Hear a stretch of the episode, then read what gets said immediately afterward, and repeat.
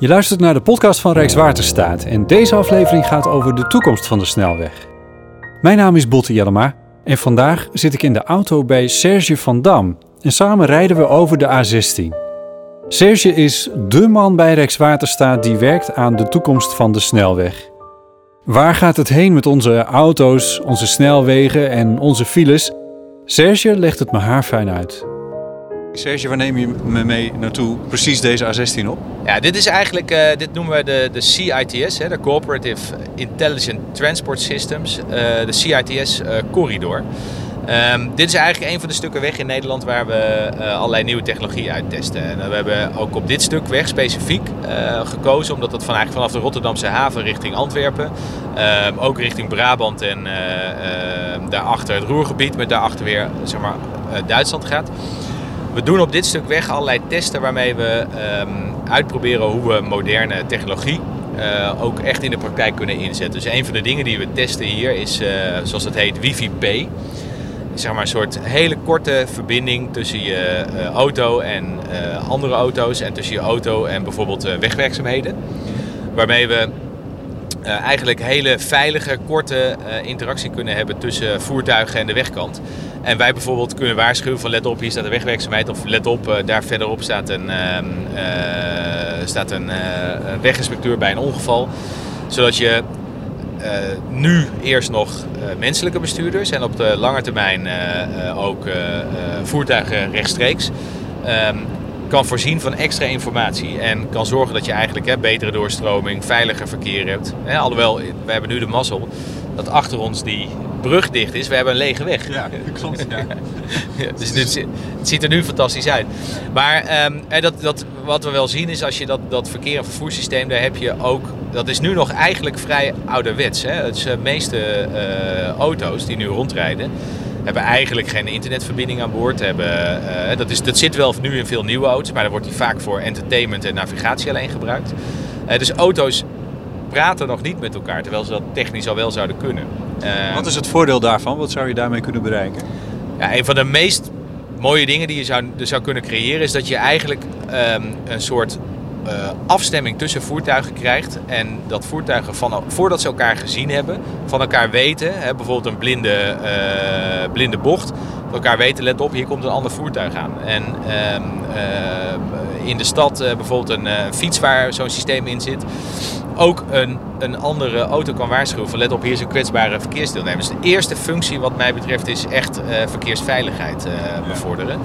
En daarna kun je ehm, langzamerhand als, je meer, als voertuigen meer echt interactie gaan hebben, um, komt, ontstaat een soort onderhandeling. Van, ja, als ik nou even hier uh, iets harder ga en jij iets zachter, dan, uh, dan, gaat het verkeer als geheel beter werken. En dat is, dat is wel echt verre toekomst, maar dat kan wel. En dat gaat... Mag ik je heel even tussendoor vragen? Want uh, we, we spreken elkaar een dag nadat in het nieuws was dat er voor het eerst in de Nederlandse geschiedenis minder ongelukken met automobilisten waren dan er met fietsers waren. Of ja. meer, het is maar net hoe je het interpreteert. Want misschien ook voor het eerst meer fietsers verongelukt zijn ja. in het verkeer dan, uh, dan automobilisten. Uh, want je hebt, je hebt het even heel specifiek over, over die fiets uh, dan. Waarom, waarom specifiek die fiets? Ja, fietsers zijn natuurlijk kwetsbare verkeersdeelnemers eigenlijk. Hè? Dus uh, als je valt met een fiets, heb je natuurlijk gelijk eigenlijk wel, ben je wel gewond. En, en als je een kleine aanrijding hebt in een auto, dan stap je er gewoon ongedeerd uit. De auto's zijn zo veilig geworden langzamerhand al, dat uh, zeker aanrijdingen bij lagere snelheden leveren, leveren vaak uh, nauwelijks verwondingen op. Ja. Um, en voor die fiets, als je kijkt ook, dus wel, als je die cijfers goed bekijkt, zie je ook dat um, het vooral oudere verkeersdeelnemers zijn. Eigenlijk, eigenlijk oudere mannen op e-bikes die um, tot de dodelijke slachtoffers zijn gaan, gaan behoren. En dat, uh, ja, dat is natuurlijk wel ook een soort, aan de ene kant is een e-bike een enorme vernieuwing. Uh, die mensen ook soms langer mobiel houdt, in staat stelt langere afstanden af te leggen. Maar dit, dat, dat soort nieuwe technologie heeft ook zo'n, soms zo'n soort rare keerzijde. Ja. En, en, en wat, wat, is, wat zou dan de communicatie tussen een fiets en een auto uh, behelzen? Oh, we krijgen verkeersinformatie, niet onbelangrijk. wat zou de communicatie tussen een fiets en een, en een auto uh, behelzen? Ja, op lange termijn uh, zou je kunnen voorstellen dat een fiets een baken aan boord heeft. Waarmee die aangeeft van let op, hier ben ik. He, dus alleen maar een soort boodschap naar zijn omgeving, hier rijdt de fiets. En als een auto dat oppakt, dan kan uh, die auto dat signaal gebruiken eigenlijk om als een soort voorwaarschuwing vast te, te, te hanteren. Uh, dus natuurlijk vooral, dus voor natuurlijk op de snelweg niet relevant, hè, maar op de, in de stad kan dat echt helpen. Dat helpt, de, helpt, helpt, in de stad misschien ook vooral de zelfrijdende auto. Want die heeft heel veel moeite met uh, fietsers, voetgangers. Ja, dat is wel. Je ziet natuurlijk die zelfrijdende auto's die worden vooral nu getest in uh, de woestijn in Amerika. Hè. Dus in grote steden in Arizona. Hè. Dus, uh, vierkante grid, al die dingen. Vierkante grid, weinig voetgangers, eigenlijk weinig fietsers. dus eigenlijk een, een makkelijk, relatief makkelijk, volledig autogericht verkeerssysteem. Um, dat maakt het wel echt lastiger om te voorspellen waarin, wanneer in Nederland we echt zelfrijdende auto's echt in de stad gaan zien. Want ik denk dat, dat de stad, en zeker de Nederlandse stad, nou neem even Amsterdam, is echt moeilijk voor een zelfrijdende auto. Vooral omdat daar de fietser eigenlijk de baas is nu al. Hè? Dus de fietser die, uh, die houdt zich aan geen enkele regel, vertoont onvoorspelbaar gedrag. En de auto moet zich aan alle regels houden en, en maar zien dat hij zich dan ook nog kan verplaatsen. Dus je kan je voorstellen, op een Amsterdamse gracht heeft een, een zelfrijdende auto best wel een paar uur nodig om een paar honderd meter verder te komen. Nu nog, hè? Nu nog. Ja. Um, aan de andere kant hebben wij in Nederland weer zodanig hoge kwaliteit snelwegen. Dat je je ook zou kunnen voorstellen dat we al veel, soms veel eerder dan in sommige andere landen. op onze snelwegen echt op bepaalde stukken uh, echt zelfrijdende auto's gaan zien. Die zeggen van nou ja, van hier bijvoorbeeld, we zijn nu bij uh, uh, de afrit Bergen op Zoom. En ehm, eh, vanaf hier tot aan eh, de grens met België kan ik het echt helemaal zelf. Dat het voertuig zegt, je mag het stuur loslaten, ik los het voor je op. En als jij niet bij de grens het stuur overneemt, dan zet ik hem bij Hazeldonk even op de parkeerplaats. Uh, dan gaan we even kijken, wachten tot jij wakker bent. Daarna mag je het zelf weer gaan doen. Want uh, uh, ja, dat stuk tot aan Antwerpen, dat kan ik nog niet. Nee. Bijvoorbeeld. Hè? Dat, is, dat is echt denkbaar. Dus dat je een bepaald stuk, een bepaald stuk net, net, netwerk combineert met bepaalde condities en met een bepaalde zeg maar, vaardigheid van de auto. En dat is ook waarmee we nu echt aan het werk zijn. Dus met uh, RDW uh, en met CBR weet je, en met Rijkswaterstaat. En natuurlijk ook met het ministerie. Kom je eigenlijk... hoor, het Centraal Bureau voor Rijksvaardigheid en de, de Rijksdienst Wegverkeer. Ja. ja, dus je komt eigenlijk in het gebied ergens tussen de wegbeheerder... Uh, de organisatie die de voertuiggoedkeuringen doet... en de organisatie die rijbewijzen uitgeeft. Daar ergens in het midden moet je een punt zetten en zeggen van, hey, maar dit is wat we eigenlijk voor die zelfrijdende auto, eigenlijk niet zozeer voor de auto, want die auto, auto is wel type goedgekeurd. Je moet, het, je moet eigenlijk een soort rijbewijs voor de software gaan maken. En, het is grappig, want het is inderdaad toen uh, er een, uh, een tijdje geleden voor het eerst een dodelijk ongeluk was met een zelfrijdende auto, toen kwam die discussie daar weer even over los. En toen werd er voor het eerst ook die, kwam die discussie over rijbewijzen voor zelfrijdende auto's naar voren. Ja, ja want je vraagt eigenlijk van een uh, van de, niet van de auto zelf, maar van de software in de auto, vraag je om menselijk gedrag te begrijpen en te kopiëren. Dus je vraagt van die auto uiteindelijk, als die verkeersdeelnemer moet worden, om uh, voorspelbaar en veilig verkeersgedrag te gaan vertonen. Ja. dus het gaat om rijgedrag.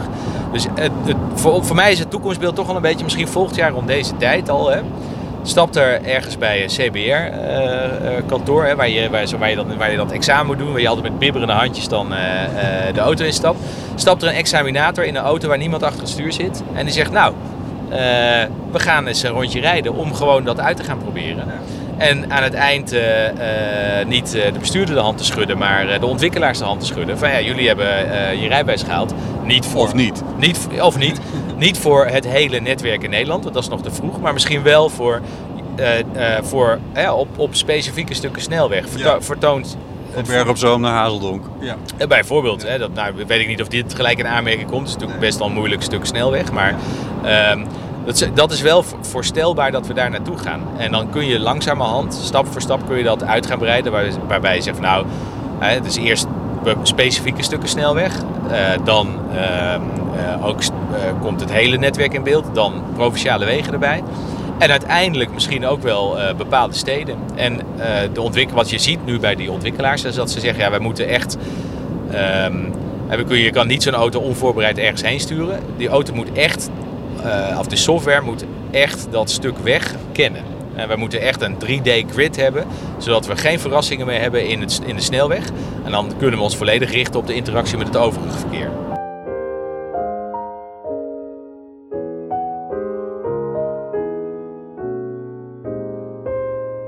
Wat is het voordeel van, uh, van, van al die automatisering die, uh, die, je, die je beschrijft? Ja, we, het, eh, ik denk dat het ehm, voor, voor ons als individuele bestuurders is het natuurlijk, zou het heel lekker zijn. Kijk, ik, ik moet zit nu het stuur vast te houden, dus ik moet twee dingen doen. Ik moet op de Ja. weg letten en met jou praten. Dat is best wel, al best wel al, zeg maar, eh, eh, het zijn al hogere cognitieve taken, dus moeilijk om te combineren. Ehm, en ehm, het zou best wel lekker zijn als ik op dit moment gewoon mijn armen over elkaar kon, eh, kon eh, houden. En eh, gewoon, dan konden we rustig praten en een beetje naar, naar, naar, naar, naar buiten kijken. En, Oké, comfort. Ja. ja, nou, comfort en ook wel productiviteit. Dus in die tijd dat je... Mensen besteden toch heel veel tijd aan autorijden, veel mensen. En in die tijd zou je ook anders kunnen benutten. Het risico wel daarachter is dat we dan ongelooflijk veel meer gaan rijden. Niet een beetje meer, maar echt heel veel meer. Omdat die tijd geen waardeverlies meer betekent. Zou ik net zo goed in eh, Oost-Groningen kunnen gewoon een hele grote boerderij kopen.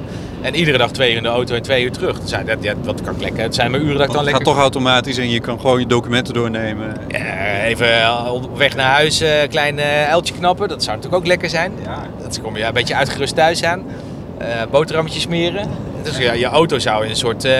dat- het zou kunnen zijn dat je auto een soort, soort campertje wordt. Waarom, waarom niet? Hè? Dan, zou, dan ga ik eh, s s'avonds wel vast... eh, laat ik me naar eh, eh, mijn volgende afspraak rijden. Ehm, het risico daarin is natuurlijk als we zoveel meer zouden gaan rijden, is dat we met z'n allen heel comfortabel op lange termijn continu in de file staan. En wat ik zelf wil hebben, ik vind dat we een kans hebben ehm, om, als je kijkt naar, nou ja, even praktisch, dit verkeerssysteem is eigenlijk niet heel erg houdbaar voor de lange termijn. Dat moet echt anders. Dat, dus daar moeten we onze kinderen niet meer opzadelen dat dat over 50 jaar nog op dezelfde manier eh, zo gaat. We hebben echt een kans, denk ik, om het eh, duurzamer te maken. Daar kan die technologie bij helpen. Eh, om het efficiënter te maken en om het ook echt heel veel veiliger te maken. Dat, dat, als we, dat wil ik wel gekscherend zeggen, als we over 20 jaar of zo met z'n allen super comfortabel altijd in de file staan, ja, dan hebben we echt het verkeerde probleem opgelost. Ja. En dat, dat risico zit er wel in. Er zit nog iets in, is dat we hadden het net even van tevoren over die dieselauto's. eh, als je kijkt naar steden en luchtkwaliteit, dan zie je toch dat heel veel steden steeds meer de auto's naar buiten duwen. Die maken fietsstraten en die verminderen het aantal parkeerplaatsen en die eh, ontmoedigen echt om met die auto de stad in te komen. En op nationaal niveau ehm, ja, zijn we toch eigenlijk nog steeds met z'n allen gewoon eh, de wegen aan het verbreden en eigenlijk best wel autogebruik aan het stimuleren. Eh, ook de manier waarop we kiezen om eh, wonen en werken toch best veel ver van elkaar af eh, neer te zetten. Ja, dat, dat leidt toch tot meer autogebruik. Ehm, gaat dat volgens mij de komende jaren botsen. Dat, die, dat, dat het stedelijk beleid is veel, dan al veel duurzamer dan eigenlijk het landelijk beleid. Dus dan, dan kom je met z'n allen eh, met 130 op die stad afgescheurd. En aan de rand van die stad eh, werkt het niet meer. Want je kan die stad eigenlijk niet meer in. Dus. Daar moeten we ook met elkaar over na gaan denken. Wat het betekent om ehm, eh, toch nog de netwerken tussen de stad heel belangrijk te maken. De, de wegennetwerken vooral heel belangrijk te maken. Maar dat je ergens aan de rand van die stad moet je dan toch die auto uit. En op een andere manier eh, je laatste kilometers gaan, eh, gaan afleggen. En eh, eh, ja, dat, ik denk dat dat wel consequenties heeft. Dat, misschien is het over, bijvoorbeeld over tien jaar. je- Soms, soms ligt innovatie ook in andere hoeken dan je verzint. Misschien is het over tien jaar wel heel gewoon om eh, eh, een vouwfietsje achter in de auto te hebben. Eh, of als je iets hippere gast bent, een geëlektrificeerd skateboard, om die laatste 2, 3 kilometer af te leggen. En dan ga je parkeren bijvoorbeeld aan de rand van de stad op, op plekken die veel minder ruimtelijke waarde hebben dan die schaarse ruimte in de binnenstad. Ja. Dat, dat, dat hebben we al wel eens eer, vroeger wel eens eerder geprobeerd. En eh, ehm, ja, ik denk toch dat dat soort oplossingen, die, die liggen wel voor de hand. Hè. Net als het delen van ritten. Dat hebben we allemaal wel eens eerder geprobeerd en wel eens eerder over gesproken. En eigenlijk moeten we dat nou eens ook gewoon een keer echt gaan doen. En daar kan ook eh, digitalisering en, en, en ehm, eh, zeg maar, met die moderne platforms eh, kunnen ons daar enorm bij helpen. Ja. En dat, eh, dan is wel overigens van belang hè, dat we niet zo'n soort Airbnb-probleem krijgen. Dat er ineens een platform is dat eh, de condities dicteert. Dat zie je natuurlijk ook wel veel hè, met Uber. met, Uber heeft dat natuurlijk voor taxis heel erg laten zien. Van, ja, er is ineens een platform waar je niet onderuit kan als, als aanbieder. Maar als, wat als gebruiker op zich wel heel makkelijk is. Eh, en wat dan de condities en de manier waarop vraag en aanbod zich met elkaar verhouden eh, ineens gaat dicteren. Ja. Ja, dus Uber bepaalt de prijzen, niet eh, de lokale markt. En dat is wel, dat is wel een. eh, daar hebben partijen last van. Stel dat dat voor vracht echt een doorbraak betekent, ja, dan, dan wordt die sector nog, komt de sector nog meer in de problemen. Ehm, en stel dat dat voor reizen met, met, met elkaar meereizen er ineens een platform is. Ja, daar hebben we aan de ene kant profijt van, maar aan de andere kant ben je ook dan een beetje je grip kwijt. Ja. Ehm, dus daar moeten we wel met elkaar over nadenken. Dus ik, ik zou ook dan, dat betekent wat mij betreft ook dat in ieder geval Rijkswaterstaat als, als wegbeheerder, als je het verkeer wil blijven managen op de lange termijn, moet je ook nadenken over wat je rol dan is eigenlijk in die dataketen. Dus nu zie je dat veel verkeersinformatie, ja, of rechtstreeks of toch eh, eh, soms eh, indirect afkomstig is van Rijkswaterstaat. Hier bijvoorbeeld, we rijden nu langs een, eh, eh, bergingsauto. Eh, dat is ANWB, hè? een man met een lekker voorband. Ja, die bellen dan toch even naar, ehm, eh, naar de verkeerscentrale. En daarmee komt die melding in het systeem van Rijkswaterstaat terecht. En tegelijkertijd zijn er hier waarschijnlijk ook al Waze-gebruikers langs gereden... die ook op hun app al hebben aangegeven, hier staat het voertuig stil. Dus dat is een andere dataketen, andere informatieketen. Die, eh, die hebben allebei waarde, maar die moeten we eigenlijk aan elkaar knopen. Dus dat waar we ook nu heel intensief mee bezig zijn. Dat is voor ons eigenlijk ja, het, het heel goed gaan begrijpen hoe, gaan, hoe zien toekomstige dataketens eruit. En eh, hoe, wat is onze rol daarin? Ja, dat, moeten we, dat moeten we nog wel wat beter kunnen.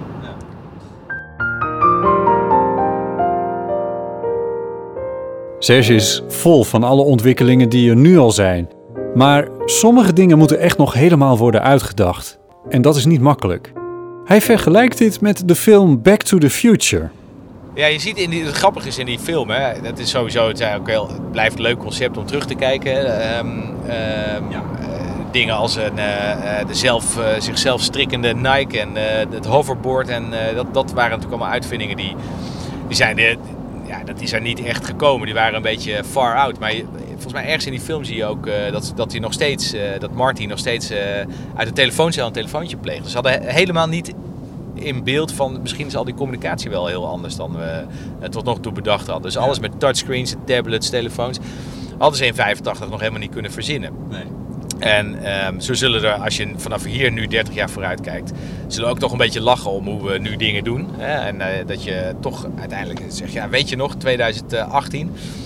Toen hadden we nog, eh, hadden we nog zo'n Apple-telefoon. Hè? Dat is tegen die tijd zal Apple eh, gewoon eh, misschien wel weer helemaal verdwenen en vergeten zijn. Net zoals sommige merken die, we, die, die destijds ooit groot waren, nu helemaal verdwenen. Dat is, dat is toch wel logisch. Of hebben we überhaupt geen telefoon meer? Dat- ja, dat, dat, er gewoon alleen nog een soort oortje in hebben of zo. Of een USB-aansluiting in je achterhoofd. Het zou maar zo kunnen.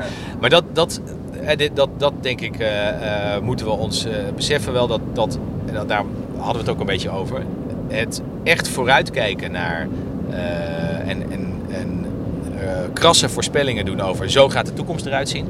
Dat is gewoon heel erg moeilijk. Ja. En dus wat je veel beter kan doen is, eh, naar mijn idee, is heel goed kijken naar de trends in het heden.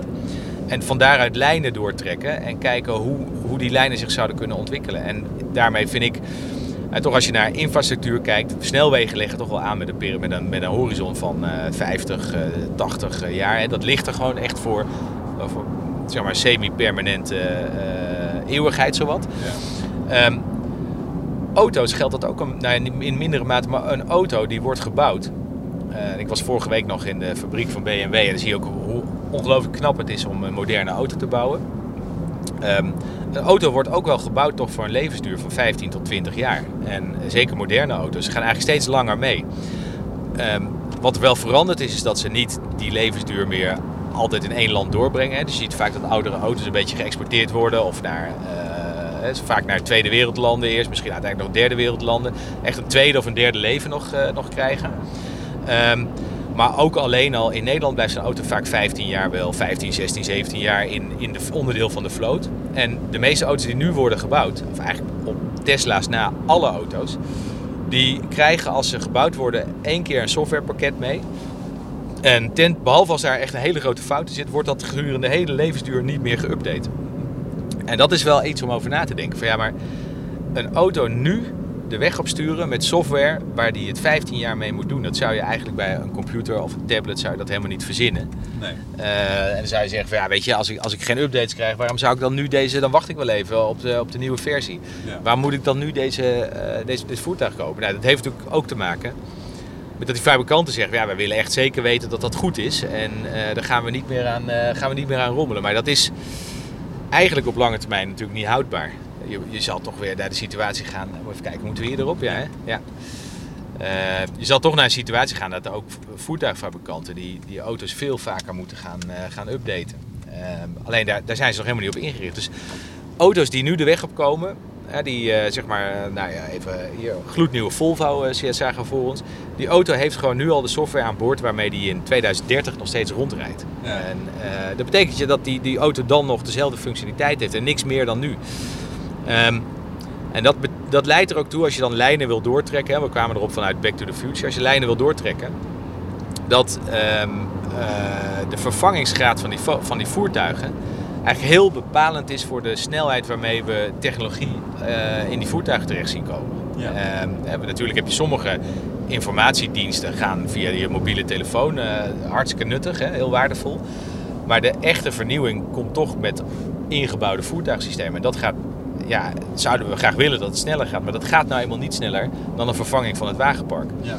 En um, ik denk dat we, we zouden best wel eens verrast kunnen worden uh, door, als er wetgeving komt uh, over uh, vergroening van voertuigen, dat toch de omloopsnelheid van het wagenpark toeneemt. Of als er ehm, bijvoorbeeld de, de deeleconomie en het zeggen ze robottaxis een veel grotere vlucht nemen dan we verwachten. Mhm. Uh, maar dat is dan nog niet altijd en overal. Dat is op, op delen van ons netwerk. En uh, met name wat ik me kan voorstellen, wat echt tot een andere uh, situatie gaat leiden, is als we. vroeger had je op allerlei plekken lifters langs de weg staan. Ja. dat is natuurlijk helemaal verdwenen, ook door de OV-studentenkaart. Ehm, maar het zou best wel eens kunnen dat je over een aantal jaren weer heel veel jonge mensen uit het openbaar vervoer ziet die met een app tegen hele lage kosten met, uh, met mensen mee kunnen rijden. Uh, dat je weer een soort moderne liften krijgt. Uh, en dat je daar dan ook zegt, oh, daar moeten we dan wel even wat plekken voor inrichten waar je dat veilig kan doen. waar je dus veilig mensen kan oppikken en afzetten. Nou, ja, dat, en daar komt Rijkswaterstaat weer in beeld. Ja, dus, dat, dat, dus dat, zou, dus dat zou wel eens verstandig kunnen zijn om over dat soort voorzieningen na te denken. Waarbij je zegt, van, hey, eigenlijk is de snelweg nu vaak um, heel erg afgesloten, bewust van andere modaliteiten. Hè. Dus je kan niet, op heel weinig plekken kan je met een fietspad in de buurt van een snelweg komen. Dat is ook bewust gedaan. Of uh, dat je met uh, al wandelend uh, op een plek kan komen waar je kan opstappen op, op iemand die je mee, waar, je mee kan rijden. Dat, is allemaal, dat gebeurt allemaal op, op andere wegennetwerk. Nou, dat, dat soort denken, dat, dat soort effecten zouden best eens kunnen ontstaan. En ik denk ook dat we uh, ons nog wel eens op het achterhoofd moeten krabben. Van wat hebben we nou allemaal nodig aan oplaadinfrastructuur of, of waterstofinfrastructuur of anderszins uh, voor, uh, voor toch meer moderne voertuigen. Ja. Want daar wil ik dan tenslotte even naartoe. Ehm, we rijden nu weer terug over diezelfde A16. Ja. Bekend beeld. Uh, twee of drie rijbanen uh, aan elke kant van de vangrail. Een middenberm, verlichting erbij, uh, natuurlijk de bebording. Um, en dat is, dat is het beeld anno 2018 van een snelweg. Misschien niet heel erg veel anders dan het ergens in de jaren, nou wat is het, 80 jaar geleden of zo, is verzonnen. Wat, wat zie jij dat er uh, misschien zelfs wel op korte termijn aan het beeld van de snelweg gaat veranderen? Uh, dat is een beetje ingewikkeld, want we, alles wat we nu doen, hè, alle, de manier waarop de beleiding is ingericht, de mate van de borden, uh, hoeveel uh, lantaarnpalen er staan, hoeveel, dus hoeveel verlichting er is en ehm, hoe breed de rijstroken zijn. Eigenlijk, dat is allemaal ingericht op de menselijke bestuurder. En ik zeg wel eens eigenlijk, eh, wat is de mens? Is een soort is een, is een dier dat net uit zijn reptiele stadium is en fysiologisch eigenlijk helemaal niet in staat is om die snelheid van 130 km per uur aan te houden. Dus dat kan alleen maar omdat we dat relatief prikkelarm en overzichtelijk hebben ingericht. Zijn wij in staat om, om uh, een voertuig van 1500 kilo met 130 km per uur over zo'n, over zo'n lap asfalt te jagen. Dat, Daar zijn we natuurlijk helemaal niet, niet, eigenlijk niet voor nee. uitgerust. En het lastige is, totdat we zeg maar, echt geen menselijke bestuurders meer hebben, zitten we toch een beetje vast aan, aan deze manier van inrichting. Dus we, um, tenzij we echt op het punt komen, misschien 2050 of 60 of 70, dat we zeggen, nou weet je, autorijden, als je dat leuk vindt, ga dat maar in Zandvoort doen, want dat vinden we echt veel te gevaarlijk dat mensen dat doen dan kom je op het punt dat je zegt, nou dan, dan kunnen we echt het anders gaan inrichten. En dan kunnen we, uh, dan heb je, de, mogen de rijstroken wat smaller. Dan, kunnen, eh, dan hebben we misschien hele hoogwaardige GPS, zodat je eigenlijk die lijnen er wel af kan halen. En dan, eh, eh, nou ja, dan kunnen die vangrails weg, want er zijn nooit meer aanrijdingen of niemand raakt meer van de weg. Maar dat, dan praat je over de hele verre toekomst. Dus zolang er menselijke bestuurders zijn, ehm, heb je al dit soort dingen nodig. En het kan... Ik ga even fantaseren hoor. Want dan zeg je van, dan kan die vangrail weg, hebben toch geen aanrijding. Dan denk ik van, nou ja, dan maak er dan ook maar één grote baan van. En dan kun je, als op het moment dat er wat meer verkeer aan de ene kant is, dan hou je wat meer, hou je wat meer stroken de ene kant op en de andere keer wat meer stroken de andere kant op. Dat soort fantasie, is dat gek? Nee, het is niet gek om het te fantaseren. Ehm, maar ehm, het is wel gek om er een tijdshorizon aan te hangen. Ja, ja, dus, ik, dus het, is, het zou ooit kunnen.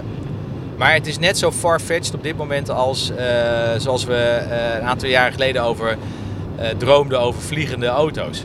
Dat is ook nog steeds, ja, ja, er is een vliegende auto. Maar we zijn nog nergens in de buurt van dat een keer gaan, echt grootschalig gaan zien. En datzelfde geldt hiervoor. Weet je, het punt is natuurlijk ook dat dingen weghalen kost ook geld uiteindelijk. En um, dat is, we zien hier boven de weg die matrixborden hangen. Tot het moment dat je echt zeker weet dat iedereen via zijn auto uh, uh, een rood kruis kan zien. Of uh, dat je echt zeker weet dat, dat, dat iedereen het heeft. Heb je dat toch boven de weg nodig als je veilig een rijstrook wil kunnen afkruisen. En, en, en dat is wel het, het punt dat we de, die transitiesnelheid en die transitieopgave, wij noemen dat de mixed fleet, hè, dat is eigenlijk voor ons nu wij zien dat, die, wat, dat we aan het begin staan van de opkomst van al die ontwikkelingen. Maar we zien toch dat voor ons die nieuwe realiteit eigenlijk wat ingewikkelder is dan de oude realiteit. Dus we moeten dingen erbij gaan doen. En we kunnen de oude dingen nog niet loslaten. En dat blijft nog een hele tijd zo. Um, en uh, dat betekent eigenlijk dat alles wat we nu visueel doen, moeten we uh, op niet al te lange termijn ook digitaal gaan doen voor voertuigen. Uh, we zullen op een of andere manier die belangrijk deel van, van die visuele informatie ook digitaal beschikbaar moeten gaan stellen. En dat maakt ons werk eigenlijk voorlopig ingewikkelder. Voordat het op lange termijn misschien makkelijker wordt. En, um, en, dat houdt ook een klein beetje in dat de snelweg zoals die er nu uitziet. We kunnen er eigenlijk wel een beetje vanuit gaan dat de komende 20, 30 jaar dat daar op zich niet zo heel erg gek van gaat veranderen. Ik denk dat daar nog niet zo heel veel aan gaat veranderen. Ik denk wat er wel bij, daar komt iets bij, hè, is dat je meer uh, connectiviteit gaat toevoegen. Ja, dus dat je... Dat je uh, Makers waar je het eerder over had. Ja, en dat is ook een beetje het Internet of Things. Hè. Alle voertuigen zullen best wel op binnen nu en 15 jaar op een of andere manier connected zijn. Het zijn met een smartphone, het zijn met een onboard systeem. Ja. Waarmee je uh, een veel beter beeld gaat krijgen van wat de verkeerssituatie eigenlijk is. En je dus ook eigenlijk wel al met elkaar toe kan werken naar, hey, als we weten ongeveer nu waar alle, uh, waar alle voertuigen rijden. Dan hoef je niet met naam en nummer te weten, alleen maar dit is een voertuig rijdt op die plek en gaat ongeveer die kant op. Dan kun je ook met kunstmatige intelligentie uh, voorspellingen gaan doen nou, ik denk dat over, heel fijn maat, ik denk dat over een kwartiertje uh, dat dit de verkeerssituatie is uh, op dat stuk weg. En dan ja. kun je eigenlijk met elkaar gaan nadenken. Veel, hè, dan zien we daar bijvoorbeeld zie je eigenlijk in de voorspellingen file ontstaan. En dan wordt de sport om die voorspelling te gaan verslaan. Van, kunnen we iets doen? Kunnen we tweaken met z'n allen? En dat doe je niet alleen als wegbeheerder, maar dat moet je echt samen met uh, verkeersinformatieleveranciers doen. Kunnen we dan een beetje gaan tweaken dat we die voorspelling kunnen verslaan. Dat zou, dat zou eigenlijk het mooiste zijn. Hè? Dat je zegt, nou dan kunnen we toch een beetje een soort filepreventie gaan doen met z'n allen. Dat, en dan moet je dan ook wel... Dat vergt natuurlijk ook wel van mensen dat ze een beetje daaraan mee willen werken. En dat mensen het leuk vinden om te zeggen, nou ja, ik, uh, wil, ik laat hem een beetje me, me coachen in mijn rijstijl. Of ja. dat uh, ze zeggen, ik zet het systeem gewoon aan en laat die maar bepalen hoe hard we uh, gaan rijden. Um, je hebt wel kans dat dat soort dingen de rijtaak van hè, de inspanning die we van mensen vragen in het autorijden toch een beetje uh, vergroot. dat zul je zelf misschien ook wel eens hebben. Ik heb nu wel eens dat ik heb ik een stuk gereden denk, oh ja, zijn we hier al. En dan ben je rijden echt letterlijk in je, in je wat is dat, uh, in je eigen uh, hoofd rijden dan mentaal eigenlijk op de autopilot al. Omdat je gewoon dat, dat autorijden helemaal geautomatiseerd hebt en met je hoofd met, bij hele andere dingen bezig bent. Ja, ja dat, dat, als je echt coöperatief met mensen wil samenrijden, dan, dan vergt het toch dat mensen veel beter opletten. En ik, ik weet niet echt of wij dat kunnen. He, dus voor, want voor veel, autorij, voor veel automobilisten is dat uurtje of half uurtje naar huis is gewoon ontspanning. Even loskomen van de dag, even een beetje radio luisteren en uh, even ongestoord uh, in je neus peuteren. En dat, dat is ook wat autorijden is voor mensen. En um, die, die human factor, uh, daar moeten we ook heel nuchter over zijn. Ja. En wij, wij mensen zijn, nou eenmaal, wij zijn vaak hè, voor in moeilijke situaties, is een uitgeruste, goed opgeleide, geconcentreerde chauffeur is bijna nog onverslaanbaar voor een zelfrijdend systeem. Uh, maar dat zijn we nou helemaal vaak niet. We letten niet op, uh, we zijn moe, uh, we zijn geïrriteerd, geïrriteerd afgeleid, gehaast. Al die dingen dragen niet echt bij aan een goede rijstijl. Nee.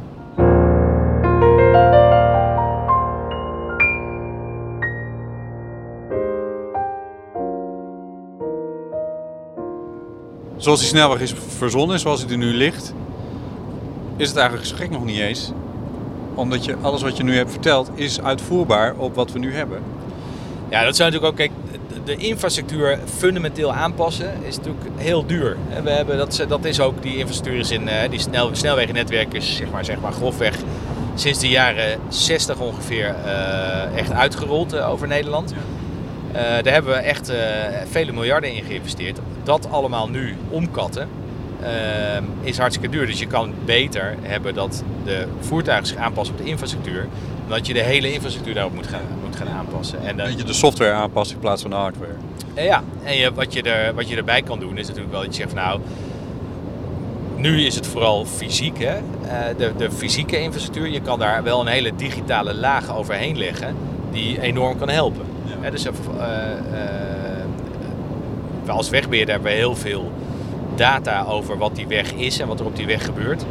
Wat wij kunnen doen is zorgen dat we dat heel hoogwaardig ontsluiten, zodat ehm, eigenlijk iedereen die daar diensten mee kan leveren aan bestuurders, aan voertuigbouwers, aan kaartenmakers, daarmee aan de slag kan.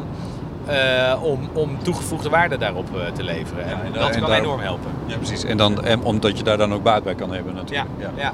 ja. omgekeerd denk ik overigens dat dat ook betekent dat wij als wegbeheerder ons echt klaar moeten maken voor het gebruiken van data uit voertuigen. Als al die voertuigen data gaan delen, uh, ook over veiligheid bijvoorbeeld, hè, zegt dat een auto vaststelt van nou, hier in deze afrit is het in de bocht een beetje glad, want uh, mijn uh, ABS en ESP werden geactiveerd.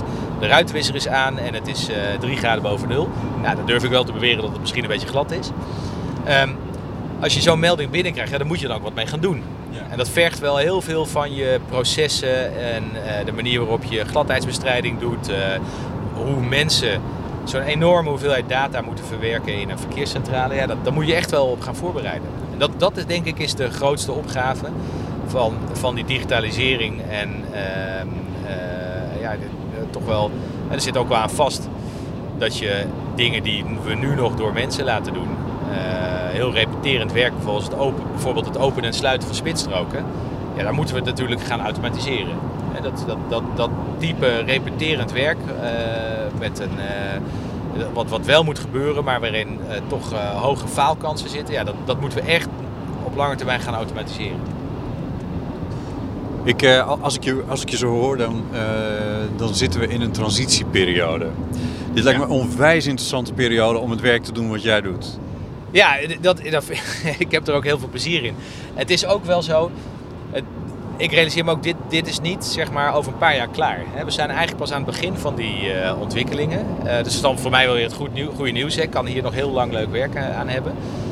Um, en volgens mij moeten we ons dat ook realiseren. Dat, je daar, dat, dat dit gewoon tijd kost. En dat je dus niet een radicale omslag in één keer hebt. Tenminste, ik zie die nog niet aankomen. Maar dat dit echt een... Uh, en dat is volgens mij de enige manier waarop we dat als Rijkswaterstaat kunnen doen. Dit is echt een, een transitie waarbij je iedere dag een stapje zet. En iedere dag, iedere keer een kleine verbetering doorvoert. Als je dan naar een paar jaar achterom kijkt, zeg van jee, dat is eigenlijk nu, we hebben toch wel heel veel veranderd.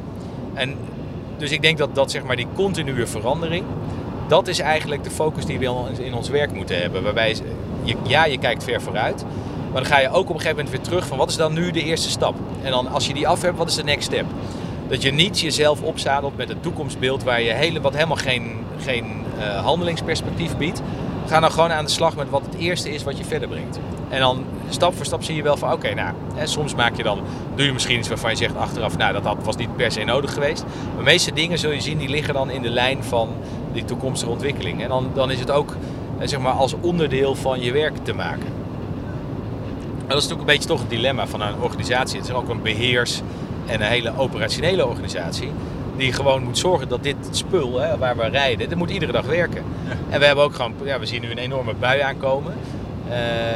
en we hebben ook natuurlijk situaties waarin we bijvoorbeeld op, die, ehm, op de Van Brienoordbrug met harde wind al die vrachtwagens omwaaien. Dan, moeten we, dan, moet, dan moet het zo snel mogelijk worden opgeruimd. En dat is dan echt het allerbelangrijkste. Dus Dankjewel. Ja, is genoeg. Je hoort een aflevering uit de podcastserie over het werk van Rijkswaterstaat. Bedankt voor het luisteren.